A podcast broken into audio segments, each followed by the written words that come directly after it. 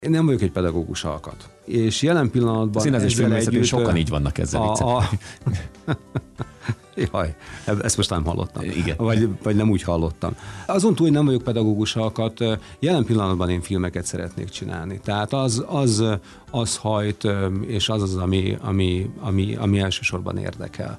Tehát annyi, olyan mennyiségű terv van, olyan mennyiségű ötlet van a tarsolyban, hogy, hogy, hogy hogy én ezeket szeretném megcsinálni, elkészíteni, leforgatni. Pedagógusnak lenni, vagy tanítani, az is időigény. Az ember, ha, ha tisztességesen akarod csinálni, már pedig csak úgy érdemes, akkor ez idő, tehát rendkívül időigényes. Én ezt az időt jelen pillanatban hangozzék talán rosszul, én ezt, ezt, ezt filmkészítésre szeretném, illetve a filmjeimnek a, a, a, a, a menedzselésére. Az előbb elhangzott gondolatokat Lajos Tamás idén március végén osztotta meg a nyilvánossággal egy rádióműsorban. Alig öt hónappal azelőtt, hogy a Magyarországi Filmes és Színházas Képzés új csúcsintézményének a kuratóriumában vezető szerepet vállalt volna abban a kuratóriumban, amely szeptember 1-ével a Színház és Filmművészeti Egyetem fenntartója és tulajdonosa. A mai naptól október 1-től Upor László rektor lemondási hónapja letelik, az eddigi kancellár pedig közös megegyezéssel távozik. A keddi nap szenzációja volt a bejelentés, hogy az utóbbinak már meg is találták a méltó utódját, és nem van erről lenne szó, hanem olyan kancellárt küldtek volna a művészeti egyetem nyakára, akinek láttam még mi is csak keresgéljük az állunkat a padlón. A mellettem látható megnyerő külsei fiatalember ugyanis nem kevesebb, mint egy rendkívül képzett és felkészült katonaember, pontosabban ezredes. És itt meg is állok a vele kapcsolatos információk ismertetésében. Mivel dr. Szarka Gábor első képesítését gépesített lövész tisztként szerezte, hát semmi esetre sem szeretnénk vele bajszot akasztani. A lényeg, az új kuratórium felel az SZF képzés jelenének és jövőjének kialakításáért. A Nemzeti Színház és Filmművészek képzésének csúcsintézményét mostantól az oktatói ambícióktól önbevallása alapján túlfűtöttnek, semmiképpen nem nevezhető Lajos Tamás kezébe is helyezték az országurai.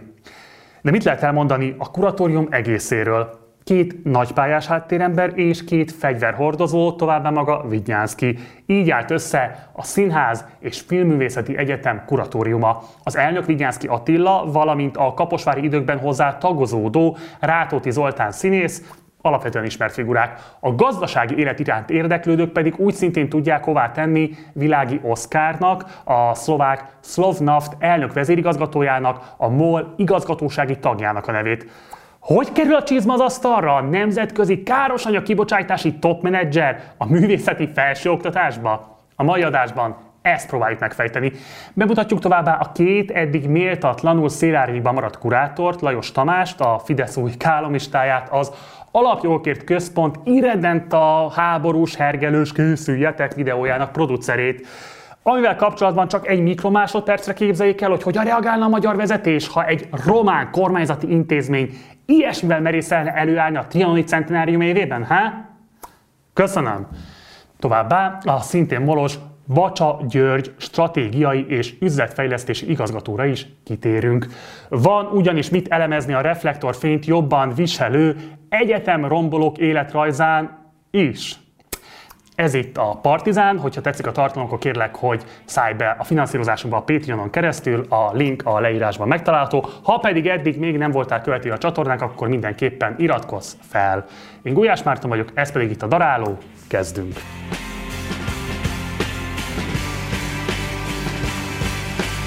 Az SZFE botrány nem Vigyánszki ügy, hanem a sötétnek mondott középkor óta létező egyetemi autonómia ügye, amit a NER éppen a komisszár kurátorok segédletével számol fel lépésről lépésre, egyetemről egyetemre haladva. A cél nyilvánvaló, harsanyabb hívéje a lényeget tekintve nem is különösebben rejtik véka alá. A kormány ellenőrzött agymosás, miszerint a rendszer a gyerek három éves korában beszippantja a csemetét, akiből 16 éves korára lehet közmunkás, a szerencsésebbjéből funkcionális analfabéta szakdolgozó. Az elit utódai pedig tanulhatnak tovább a nemzeti érzületet, illetve azt a hipokrita, széljobbos gicsparádét, amit a NER nemzeti érzületnek gondol, közvetítő janicsárképzőkben.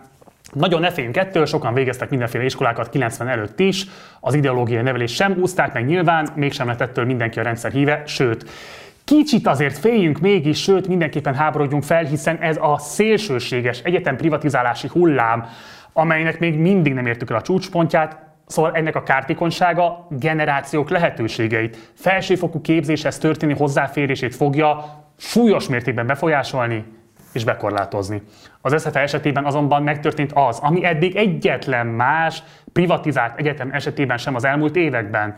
Az intézmény tanárai és hallgatói kategorikusan nemet mondtak. A hét intézmény közül egyedüliként a csicskasági rekordot Sótonyi Péter, az Állatorvos Tudományi Egyetem rektora állította be, miután a Kövér László erősített évnyiton nem csak hogy hitet tett az úgynevezett modellváltás mellett, de a hatalom altestéből bátran kikacsingatva oda is szúrt az ellenálló színművészetiseknek. Van, aki, mint például én, az előadóteremben lemegyek, telerajzolok három táblát, és ugyanúgy mondom a hallgatónak az előadást, mintha ott ülnének.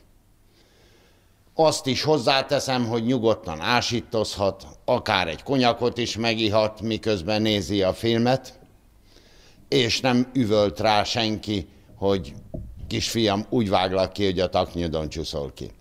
Attól, hogy nem gondoljuk sem Vignyánszkit, sem a kuratóriumát az események főszereplőinek, attól mindez jottányit sem von le a felelősségükből. Nevüket, létező vagy képzelt hitelüket adták az eseményekhez, a hallgatók egyetemfoglalása óta tett nyilatkozataikkal pedig egyre inkább egyértelművé teszik, hogy tényleg nem véletlen bal szerencse folytán nyerték el a titulusukat. Nagyon is ínyükre van az, ami mellé odaálltak. Egy okkal több, hogy alaposabban is megismerjük őket. Talán nem véletlen, hogy az utóbbi időben egyre befolyásosabb kulturpolitikai szerepeket oszt a NER a határon túli magyarokra. Szőcs Gézát csak zárójelben említjük, a második Orbán kormány első kulturális államtitkára régi motoros Magyarországon.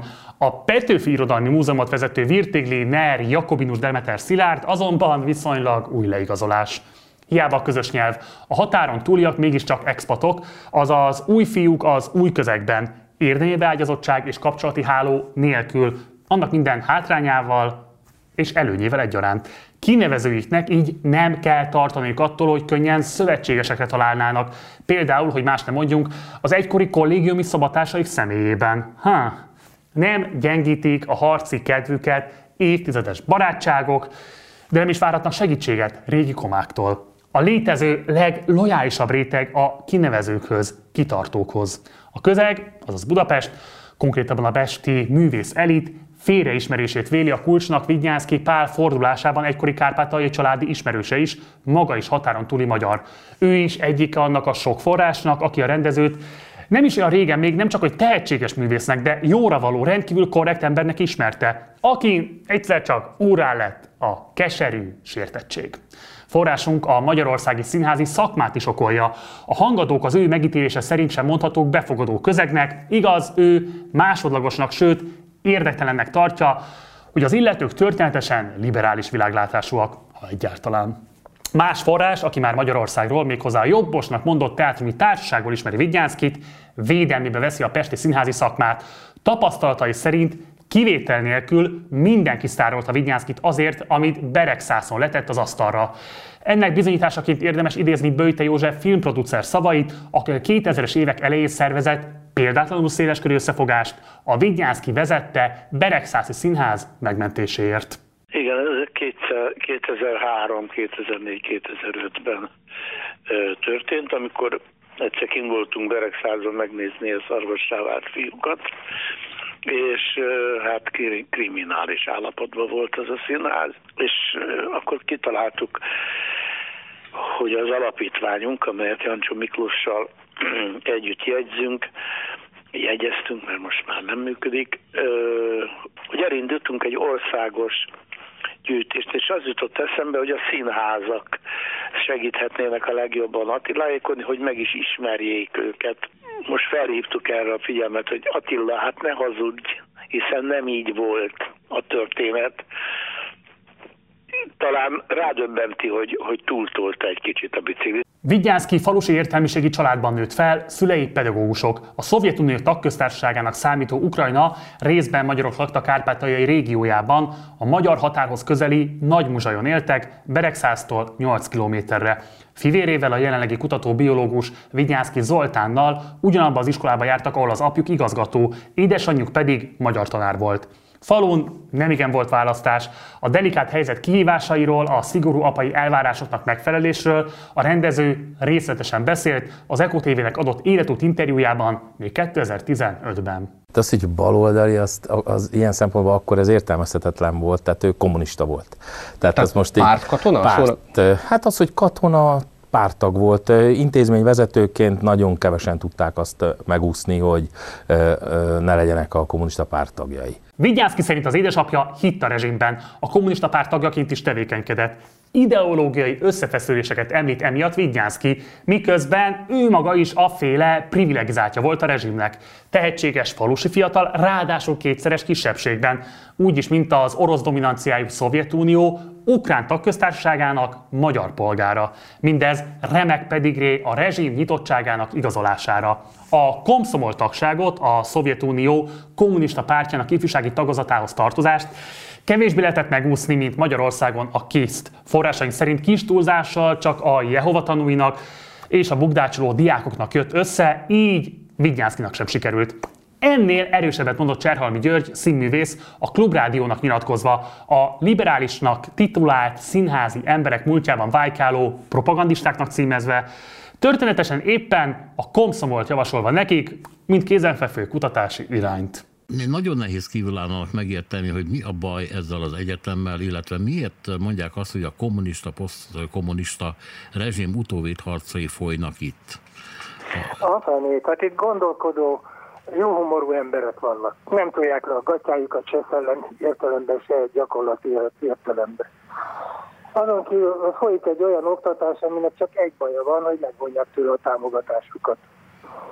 Tehát még az egyetemnek lenne oka, a, a, hogy mondjam, a megsértődésre, vagy az orrolásra.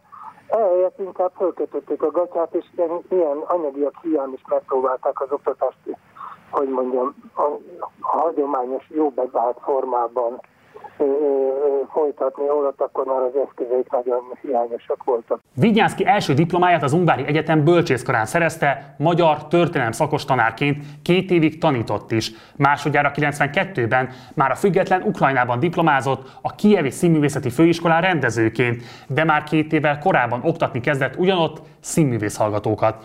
Kapcsolata és szervezőkészsége nagy segítség volt a nem sokkal később legendássá vált Beregszászi I. és Gyula Magyar Nemzeti Színház megalakulásában. Kis túlzással egy komplett kievi osztály adta az induló társulatot. A színházról, aminek Vignyánszki alapító művészeti igazgatója lett, széles, műértő tömegek beszélnek szuperlatívuszokban. Szerelemből csinálták, rettentő nomád körülmények között, maguk varta jelmezekben, fűtetlen közösségi terekben. Ilyen volt a daliás kezdet. Idézet, minden idők legjobb koldus operáját Beregszászon láttam, és talán a második legjobb Godót a Garas Dezső Tarvas Iván páros után. Alig 20 éves, jó értelemben megszállott színészek előadásában. Őszinte rajongóik lettünk. Ezt mondta kárpátaljai értelmiségi forrásunk, aki szerint ekkor még nem lehetett észrelni a jobbos alűröket a direktornál. Viszont kimaxolta, amit Beregszász adhatott, sikert, rangos díjakat, vendégszerepléseket. A továbblépés reményét jelentette Magyarország, konkrétan Debrecen. Vignyászki Magyarországra érkezésében debreceni forrásaink szerint nem elhanyagolható szerepe volt Halász Jánosnak, aki 2006 és 2010 között Kósa Lajos polgármestersége idején kulturális ügyekért felelős alpolgármester volt, és egyébekben is jelentős volt a befolyása a Fidesz, jobban mondva, Orbán Viktor kultúrpolitikájára. Ráadásul létező kapcsolatot pörgettek föl 2006-ban. A Beregszászi Vignyánszki Színház Társulata többször vendégszerepelt Debrecenben, illetve rendszeres meghívottja volt a környékbeli Magyar Színházak Kisvárdai Fesztiváljának. Munkámat a folytatás, az együttműködés és a kulturális rendszerváltoztatás befejezése fogja jellemezni.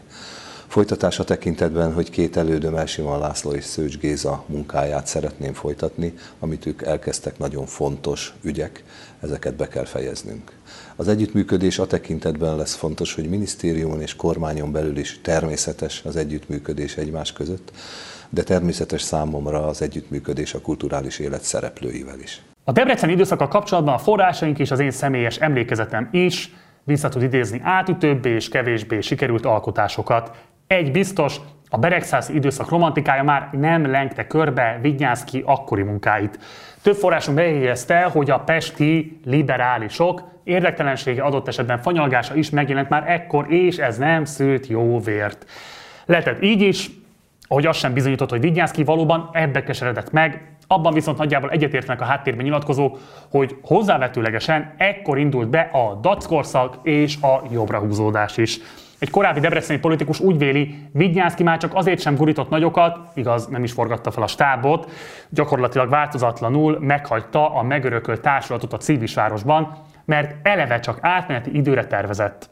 A mérsékelte szakmai siker nem akadályozta meg ugyanis a fideszes támogatókat, elsősorban halászt és a forrásaink szerint a halász által spinnelt Orbán, hogy még bőven a gyurcsányírában 2008 táján beinduljon a casting a Nemzeti Színház élére, ahova Vigyánszki már 2000-es évek első felében is erősen vágyakozott. A Fidesz részéről ekkor már az egyes számú kiszemelt Vigyánszki volt. Egyéb események is azt valószínűsítették ekkoriban, hogy a direktor a kultúrpolitika összetett fogalmából egyre nagyobb hangsúlyt fektet a politikára. Szintén 2008 volt, amikor a vezetésével megalakult a Magyar Teátrumi Társaság, amit a színházi szakmában csak a Fideszesek Színházai Szövetségének neveznek. A közhasznú egyesületi formában működő társaság egyik tagja azonban elutasítja ezt a megközelítést. Úgy érvel, hogy a Hiller féle kultusztárca által 2008-ra összehozott előadó művészeti törvényel elégedetlen műhelyek húzottak össze. A megközelítésük alapvetően szakmainak mondott volt. Az egykor startolt művészeti TAO egyes feltételeit utasították el. Ekkor kettével voltunk a 2006-os önkormányzati választások után, ahol a Fidesz tarolt. Narancsszínbe borultak a helyhatóságok. Ennek egyik következményeként vidéken a színházigazgatókat lecserélték fideszes figurákra. Így lett színházigazgató Balázs Péter Szolnokon, Cseke Péter Kecskeméten, Vasvári Csaba Székesfehérváron, Darvas Ilon a Sopronban, Forgács Péter Győrben, Csányi János Debrecenben, Fekete Péter Békés Csabán és Svajda György Kaposvárott. A színházi törvényel szembeni ellenkezésüket javarészt, azaz akár jogosnak is nevezhető, sértettség motiválta, mi a hagyományos színházi érdekvédelmi szervezet, a Magyar Színházi Társaság nem adott kreditet az ő szervezkedésüknek.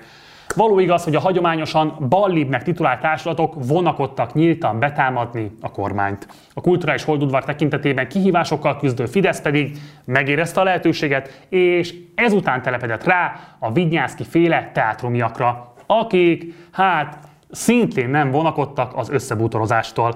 A Frigy viszonylag a sikereit mutatja, hogy az utolsó közzétett mérleg beszámoló szerint például a társaság 44 milliós 2018-as árbevételének zömét, 35 millió forintot, ilyen-olyan közpénzforrások, Emmi, Betlen Gábor alap, Magyar Művészeti Akadémia, Nemzeti Kulturális Alap és így tovább hordták össze.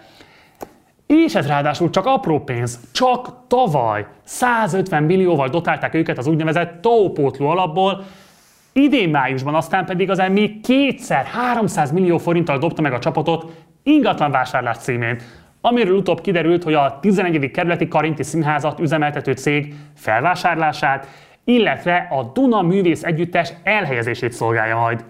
Ami a Karintit illeti, már a mellettem látott Index cikkben rebesgették, hogy az igazgatói posztra Rátóti Zoltán színész az esélyes. Ő szintén SFE kurátor.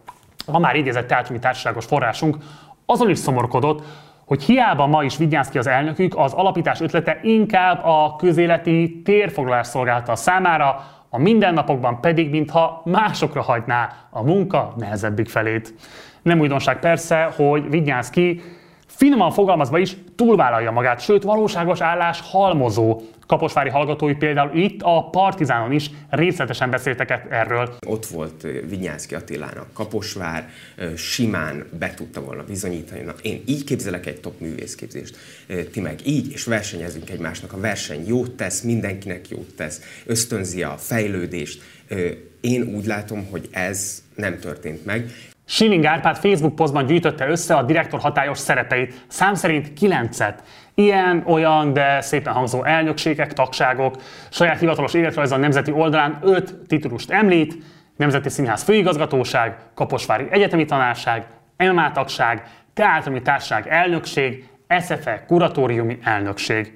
Illetve eközben a rendezéssel sem hagyott fel, idén is volt például bemutatója. Nos, ez sem kevés annak, akinek a napja 24 órából áll. Szinte követhetetlen, hogy mindezekért a pozikért mindösszesen mekkora díjazás illeti meg. Az összesítéssel az átlátszó próbálkozott, de a cikk megjelenésekor még néhány adatigénylés függőben volt. Álmát és Fideszes támogatói mestertervét, a Nemzeti Főigazgatóságát 2013-ban érte el. Alföldi mellett valamiért egyedül ő pályázott a posztra, miután kitelt az addigi főigazgató ideje. Más senki. A kétféle világlátás és színház csinálás megítélése nyilvánvalóan ízlés dolga, értelmetlenség volna az állásfoglalás. Beszélnek inkább a számok. A Nemzeti Színház közhasznú nonprofit ZRT legfrissebb közzétett 2019-es beszámolójának közhasznossági mellékletét vetettük össze az Alföldi éra utolsó teljes évével, a 2012-essel. Ez szerint 2019-ben a nagy színpad előadásainak 77.189 látogatója volt, mindössze 56%-uk, azaz alig több, mint a nézők fele fizetett a jegyért. Ezzel szemben 2012-ben kicsit több mint 78 ezeren nézték az előadásokat, 88%-uk, tehát több, mint a háromnegyedük fizetős látogatóként. Hasonló a helyzet a Gobbi Hilda terem adataival, a Kaszás Attila terem előadásainak viszont Vigyánszki idején volt lényegesen több nézője. Illetve 2014-ben új kamaraterem is nyílt, Bajor Gízerről elnevezve. Mivel azonban alapvetően nagy színpadot érti a szélesebb publikum a nemzetén, bátran meg lehet kockáztatni, hogy az igazgatói eredményesség mérkőzését utcahosszal nyerte Alföldi Robert. Ráadásul, ha mindezt hozzáveszünk az állami támogatások alakulását, akkor igencsak kirajzolódik, hogy micsoda lehetőségeket rejt a hatalom kegyeltjének lenni. Összevetésünk forrásai ezúttal a mérlegbeszámoló kiegészítő mellékletei 2019-ből és 2012-ből. 2012-ben a színház árbevétele 282 millió forint volt, ebből a jegyárbevétel elérte a 208 milliót. 2019-ben 217 milliós árbevétel mellett a jegyárbevétel csak 123 milliót tett ki. Ezzel szemben tavaly az emmitől eredő költségvetési támogatás 1,7 milliárd forint volt, amihez ilyen-olyan címeken, projektekre célzottan további közel 800 millió társult, ez így összesen 2,5 milliárd. 2012-ben viszont összesen alig haladták meg az 1 milliárdot, a nemzetinek az államtól eredő pénzei. Alföld éves bruttó fizetése 13,4 millió forint, Vitnyánszké 18 millió forint volt a vizsgált időben. Az időközben kivezetett tau sem járt pórul a Vidnyánszkék vezette cég. Tavaly az Index szúrta ki, hogy 1 milliárd forint értékben csengett a kassa a csak 2020-ban indult nemzeti és fiókvállalkozás. Az országjáró Dérinél Színház akkor még be sem jegyzett üzemeltetőjénél. Már elemeztük, hogy hiába a szakmai és nemzeti hevület régi szövetségesekkel nem számolhat az életvitel szerűen alig több mint egy évtizede Magyarországon élő, főállású igazgató és kulturpolitikus. Elméletünk szerint régi hatalomtechnikai trükkel a NER ezért is emelte őt újdonsült kultúrpápává. A most látható szájsegédek közül talán a legrégebben Rátóti Zoltán SZFE kurátorral, Jászai díjas mozognak együtt. És akkor térjünk is rá a személyére. Rátóti 2011-2016-ban igazgatta a Kaposvári Csiki Gergely színházat, Vigyánszki pedig 2011-től egyetemi tanár, 2012 és 2013 között a Színházi Intézet igazgatója, majd 2020-ig rektorhelyettes volt a város egyetemi kampuszán. Kaposvári forrásaink szerint ekkor még nem volt szoros szövetség kettejük között, sőt, bár Vinyánszki próbálta rávenni Rátótit, hogy indítson osztályt, ami nyilván utánpótlásul is szolgáltott volna a színháznak. De a színész igazgató végül nem állt rá. Ma már azonban vált, válnak, vetve nyomulnak. Rátóti például jelenleg is a nemzeti tagja, sőt, már stratégiai igazgatója. És úgy tudni, Vigyászki minden követ megmozgatott, hogy ő, Rátóti legyen a Magyar Művészeti Akadémia alelnöke. De a friss szavazáson a színésznek csak az elnökségbe sikerült bekerülnie de ez nem mond ellent annak, amit leírtam, és ma is föntartom, hogy nagyon könnyű idézőjelben, olyan színházi társulatot vezetni, ahol egy ideológiát képvisel az egész uh-huh. társaság. Uh-huh. Uh-huh. Ahol nem, ahol már csak 20 vagy 30 vagy akár a fele nem ugyanazt az ideológiát képviselő, nem ugyanazt az értékrendet, hogy pontosan fogalmazzunk, uh-huh. Uh-huh. mint az igazgató vagy a, a, a vezetés, az kőkemény. A ceglédi születésű Rátóti úgy szintén reneszánsz egyéniség. 2007 és 2010 között például a szlovén határ melletti őrségi magyar földfüggetlen polgármestere is volt, bár korábban csak kiránduló hobbitelkesként vett részt az alig 40 lakosú kisfalu életében. Polgármesterségéhez csinos fatemplom építése fűződik, a lakosok 2010-ben újra választották, majd maga mondott le a színházigazgatóságra hivatkozva. Állítólag váratlanul elhunyt elődje Svajda György ajánlotta utódául, persze Rátóti is pályázaton nyert. Nagy vihart kavart, hogy átszervezés címén lecserélte az ezer éve a színháznak dolgozó gazdasági vezetőt, először egy gazdasági végzettséggel, kétségtelenül rendelkező, de mindaddig fodrászként tevékenykedő hölgyre, aki történetesen Szita Károly, Kaposvári Fideszes polgármester, korábbi 3 per 2-es besúgó, kedvenc kosár csapata edzőjének a huga volt. Nem sokkal később ismét váltott, ekkor került a képbe Fülöp Péter, volt pécsi jogi kari hökös, a helyi Maláta Bistro frontembere. Már ennyiből is érzékelhető, hogy Fülöp karrieréve is megérne egy elemzés, de hát idő hiányában érít most be ennyivel, ő koordinálta a színház részéről az egyébként városi beruházásban folyó színház felújítást, amit, meglepetés, a Mészáros Lőrinc féle Záev végzett. Rátóti lelépése óta pedig vezeti is az intézményt úgy, hogy közben helyettes államtitkár az emmiben. Na, de vissza Rátótihoz. Bár korábban nem volt közismerte jobbos művész, Kaposváron gyorsan leszámolt az addig védegynek számító, politizáló, liberális színházi szemlélettel, távozása bírt számos ikonikus művészt, köztük például Moácsi János rendezőt. Mintha azonban mégsem sikerült volna elnyerni a városvezető szita kegyeit, a közgyűlés rendre lefaragta a teátrum éves támogatását. Művészeti szempontból szakította a Svajda, Mohácsi féle közéleti színházzal, de nem állt át jobbra. Inkább közönség csalogatónak remélt lakossági tartalmakat, például amerikai sikerfilmek licenszén alapuló műveket állítottak színpadra, de az átütő sikerek még így is elmaradtak. 2016-ban családi okra hivatkozva lemondott, de kevesen hitték el Kaposváron ezt a magyarázatot. Inkább azt sejtették, hogy Fideszes támogatói átszerettek Fülöp Péterbe, és elfűlt körülötte a levegő. Tulajdonképpen kaporra jött neki, hogy ismét Vignyánszkihoz csapódhatott, előbb a Nemzetiben, majd az SZFE kuratóriumában. Ekközben tagja a Színházművészeti Bizottságnak is, Vidnyánszki mellett. Nagy részt rajtuk múlik, hogy a közszínházak mennyi állami támogatást kapnak. Egyes teátrumok azt sem tudják, hogy tavasszal miből fogják befizetni a számláikat. A kormány a jövő hétre ígér tájékoztatást arról, hogy hogyan alakítja át a támogatási rendszert, Egyáltalán mely színházak számíthatnak állami támogatásra?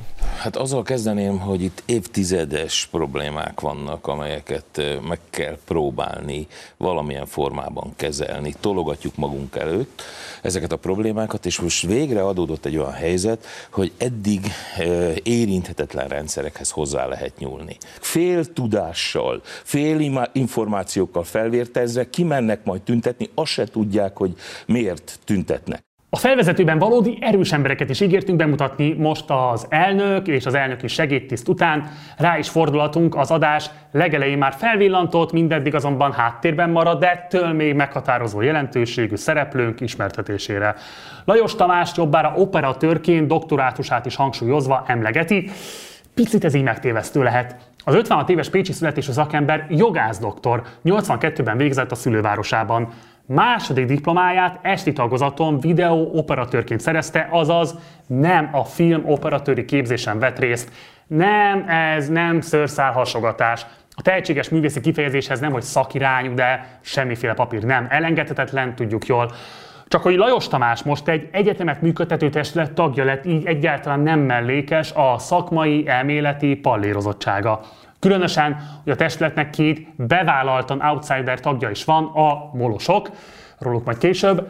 Lajos saját önmeghatározása szerint is producerként, filmgyártó cégei vezetőjeként látja magát. A cégi e, már olyan méretű volt, hogy, hogy, hogy egyszerűen nem, nem lehetett mit csinálni. Tehát azt, hogy hogy ülök a kamera mellett, és hozza ki a kolléganő az aláírni valókat, és én a kamera mellől a, a, a, a, a kráról írom alá a, az utalásokat, meg egyéb szerződéseket, tehát ez, ez tényleg egy bolondok háza volt, és akkor vakargattam egy pár hónapig a fejemet, és akkor azt mondtam, hogy, hogy akkor ezt most befejeztük, és, és onnantól kezdve a cégre koncentrálok, és egyáltalán nem bántam meg. Az IMDb nemzetközi filmes adatbázis szerint operatőrként jobbára tévéfilmekben működött közre, annál látványosabbak a produceri referenciái.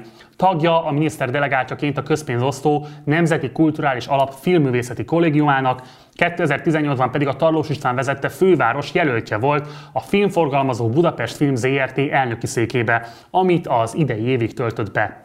Forrásaink szerint a másik pénzosztóba, a Nemzeti Filmintézetbe is bejáratos, prosperáló viszonyt ápol KL Csaba filmes kormánybiztossal, miközben az általa producerként menedzselt produkciók szépen kaszálnak a támogatási pályázatokon.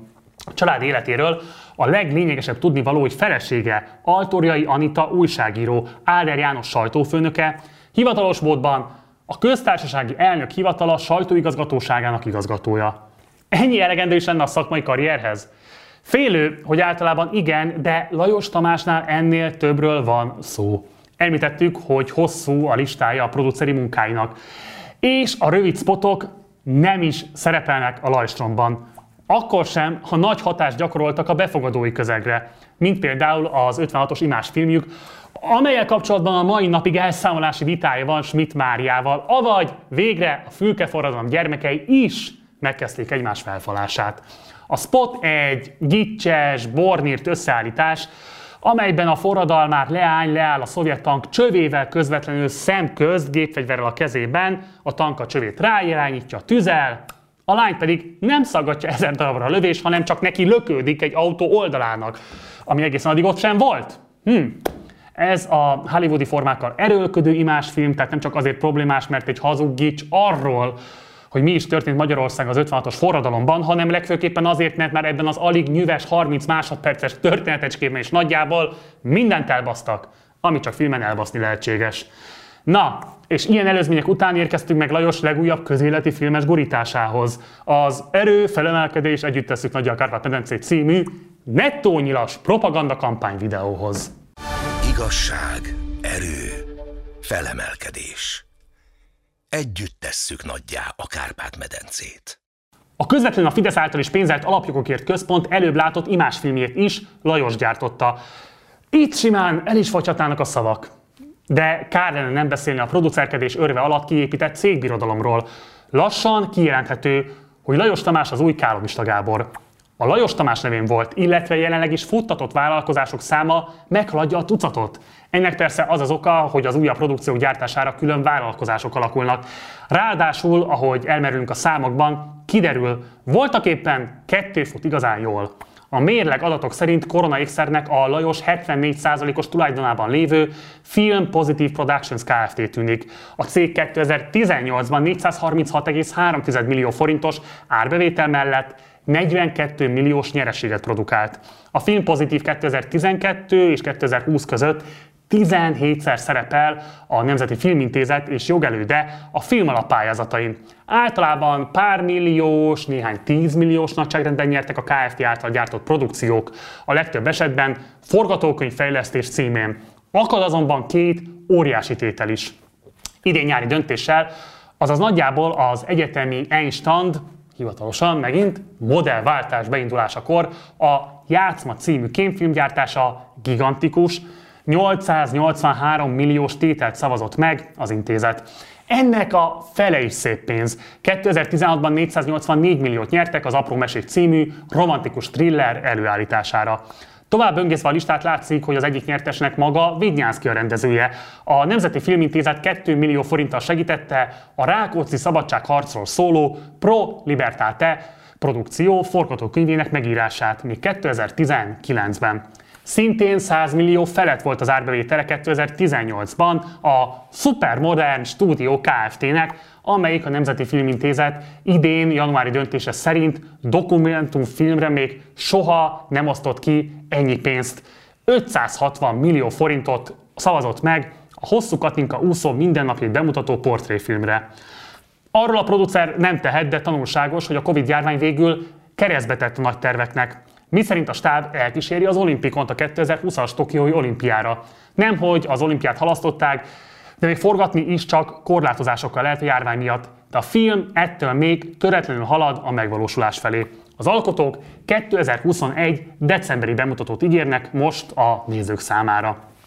A szupermodern stúdióra amúgy ömlik a közpénz, épp úgy, mint a másik Lajos cégre. 23 alkalommal nyert 2012 óta, eddig kereshető az adatbázis, és még csak nem is az Iron Lady munka című Katinka produkció a legnagyobb tétel. Most az egész felborult abban, amikor kiderült, hogy, hogy, hogy nem, nem, lesz olimpia, sőt, még korábban, amikor, amikor, amikor elkezdték bezárni az uszodákat, leállt a sportélet, törölték a versenyeket, ami ennek nagyon fontos a felkészülésében, hogy sokat versenyez, és sokat jár edzőtáborban, mindez hirtelen egyszer csak megszűnt gyakorlatilag egyik képről a másikra, és akkor nekünk is elkezdett, mi is elkezdtük akargatni a külünk tövét, hogy, hogy akkor hogyan lehet ezt a filmet folytatni, és arra jutottunk, hogy nem állunk le, mert ez egy érdekes helyzet, ha már ezt írta az élet, akkor nekünk dokumentumfilmesként ezt kell bemutatni, hogy akkor most a főhősünk élete hogyan változik meg attól, hogy, hogy kialakult ez a, ez a járványügyi helyzet. Jelentős filmszakmai támogatásra pontható még az, amikor 600 millió forintot húzott be a Lajos vezette cég 2018-ban az első magyar horrorfilmként beharangozott Post-Mortem gyártására. A többi pályázati eredményük néhány pár milliós forgatókönyv fejlesztésekről szólnak. Az utolsó hír évelején arról szólt a postmortemet illetően, hogy augusztus 1-ig be kell fejezni a filmet. Azóta nincs hír a produkcióról, Feltehetően a Covid-járvány felírta az ezzel kapcsolatos korábbi terveit az alkotóknak. Nincsenek politikusi ambícióim, nincsenek kultúrpolitikusi ambícióim. Ha, ha lettek volna, akkor már régen elmentem volna politikusnak. Bizonyos emberek ezt, ezt úgy fordították le az én egyébként közéleti típusú érdeklődésemet, vagy a viszonylag jelentős mennyiségű filmkészítői múltamat, hogy akkor én most biztos valamilyen filmipari vagy mozgóképipari vezető pozícióra vágyom, az, vagy, vagy arra törekszem, az, az egy másik kérdés. A kuratórium másik erős embere Világi Oszkár. A szlovák molnak becézett, és amúgy a magyar mol érdekeltségében álló Szlovnaft 57 éves, Dunaszerdahelyi elnök vezérigazgatója színes egyéniségnek tűnik, ha az Index portré cikkét olvassuk. Keresztény konzervatív meggyőződését a család a létező szocializmusban is megőrizte. Onnan a harag a régi rezsimmel, hogy a TSS-ítéssel oda lett a dédszülő kicsi, 34 hektáros gazdasága. Világi sosem volt a pártagja, fel sem merült benne. Holott szülei munkások voltak, apja korai halála után a konzervgyárban dolgozó édesanyja nevelte fel Világi Oszkárt és a hugát. A mai top manager tengerésznek készült, ezt hozzájuk legközelebb Lengyelországban oktatták. Az ottani szükségállapottal azonban megszűnt a képzés is. A fiatal férfi jobb hiány iratkozott be a Pozsonyi Comenius Egyetem jogi karára. Diplomázás után közjegyzőként helyezkedett el, és keresett kiegészítésként zöldségeket termesztett, illetve csatlakozott az ébredező csehszlovák ellenzéki mozgalmakhoz még képviselőnek is megválasztották. Sőt, 28 évesen ő lett a csehszlovák törvényhozás legfiatalabb alelnöke, mivel nem sokára az ország ketté is szakadt, így a rekordja örökérvényű maradt. 92-től a magánszférában kamatoztatta kapcsolatrendszerét. Ügyvédi irodája, privatizációs cégalapítások, átvilágítások szakértője lett. A molosokat is ügyvédként ismerte meg, szükségük is volt a támasztra. A Slovnaft felvásárlása majdnem akkora ellenállást váltott ki helyben, mint az INA tranzakció Horvátországban. Az expolitikus ügyvéd annyira ügyesen lavírozott, hogy Hernádi Zsolt a 2000-es évek közepén rátestálta a cégvezetést, sőt, a MOL egyéb stratégiai befektetéseiben, illetve az anyacég top vezetésében is operatív feladatokat kapott. Magánbefektetései elsősorban az élelmiszeriparhoz kötődnek, Szlovákiától Magyarországon át Romániáig. A média becslések szerint ő a leggazdagabb felvidéki magyar. Robert Ficótól kezdve Orbán Viktorig, miniszterelnökökkel komázik, ismerői szerint az egykori monarchia területén bármit el tud intézni. Mint ebben a magasságban nyilván mindenkinek, neki is akadnak olyan befektetései, amelyek legalább annyira tűnnek politikai szívességnek, mint üzletnek. Ilyen például a Heinekennel folytatott védjegyvitában nem gyenge magyar kormány hátszeret élvező csikisör felvásárlása, de még inkább a Dunaszerdahelyi Futballklub, a DAC tulajdonlása is. A mérkőzések VIP páholyának vendégserege nagyjából a felcsút és a videón stadionokéval azonos. Hiába a kapitalista sikertörténet világít sem kerülték el a szaftos korrupciós botrányok. Szlovákiában 2011 végén kerültek nyilvánosságra a szlovák titkosszolgálat a SIS 2005 és 2009 közötti Gorilla Fedő nevű akciójának lehallgatási jegyzőkönyvei. Ebben a MOL Slovnaft ügyben konkurens üzleti érdekeket képviselő pénzügyi csoport embere beszél, terhelően világiról. Nagyjából olyasmiket állít, hogy a nyugat-szlovákiai energiaszolgáltató magánosítását egyenesen világi érdekeinek megfelelően intézték, illetve hogy világi saját rabszolgákat tart a szlovák nemzeti vagyonalapban. A Gorilla Story akkora nagy vihart kavart, de végül, mivel minden érintett köztük világ és háborogva cáfolt, a botrány lecsengett komolyabb következmények nélkül. Nagy talány volt, hogy honnan származott az internetre feltöltött lehallgatási jegyzőkönyv. A szlovák sajtó szerint a szálak Marian Kocner üzletemberhez vezetnek. Kocner a fővádlottja a Ján Kuciák újságíró és párja meggyilkolása miatt indított pernek, de első fokon egészen elképesztő módon a bíróság nemrégiben felmentette őt. Arra szeretnénk felhívni mindenkit, hogy segítsük egymást, hogy senki ne érezze most ezben a nehéz időkben, hogy egyedül van, hisz mindannyian egy nagy-nagy közösségnek a részei vagyunk. Az SZFE másik molos kurátora Bacsa György, stratégia és üzletfejlesztési igazgató kevésbé ismert figura. A kuratórium legfiatalabb tagja 41 éves. Esztergomi születésű, a Ferenceseknél érettségizett, később jogot tanult, de jelenleg is a városban él. MOL és Esztergom. Adódik az asszociáció Hernádi Zsolt elnök vezérigazgatóra, nem is alaptalanul. A Forbes cikke igazolta vissza az iparági plegykákat, miszerint Bacsa Hernádi rokon, konkrétan Hernádi unokatestvérének fia. Bacsa nem csak, hogy kulcs szerepeket kapott a Hernádi vezette MOL-ban, tagja például a Met Holding igazgatóságának is, de Hernádi magánbizniszeinél is felbukkan. Hernádi alapkezelője a Grand Private Equity az állami MFB-től 3 milliárd forintot kapott a Jeremy programban, startup cégek indulásának megsegítésére. Erről egyébként részletesen beszéltünk a Hernádi Zsolt pályaivét bemutató adásunkban. Ha nem láttad volna, akkor az adás után nézd majd meg, belinkeltük ide a mostani videónk alá a leírásba. A Direkt 30-at írta meg, hogy a két cég 840 millió forintot kapott a Grantól ingatlanok felvásárlására. Hogy ebben mi a startupság, ötletem sincs, de hát az MFD biztosan tudja. Az egyik Bacsa, azaz a Rokon és Molos kolléga Hebbo Kft-je, a másik kedvezményezett Sasvári Viktor volt Fideszes önkormányzati képviselő, Borostyán udvar Kft-je volt.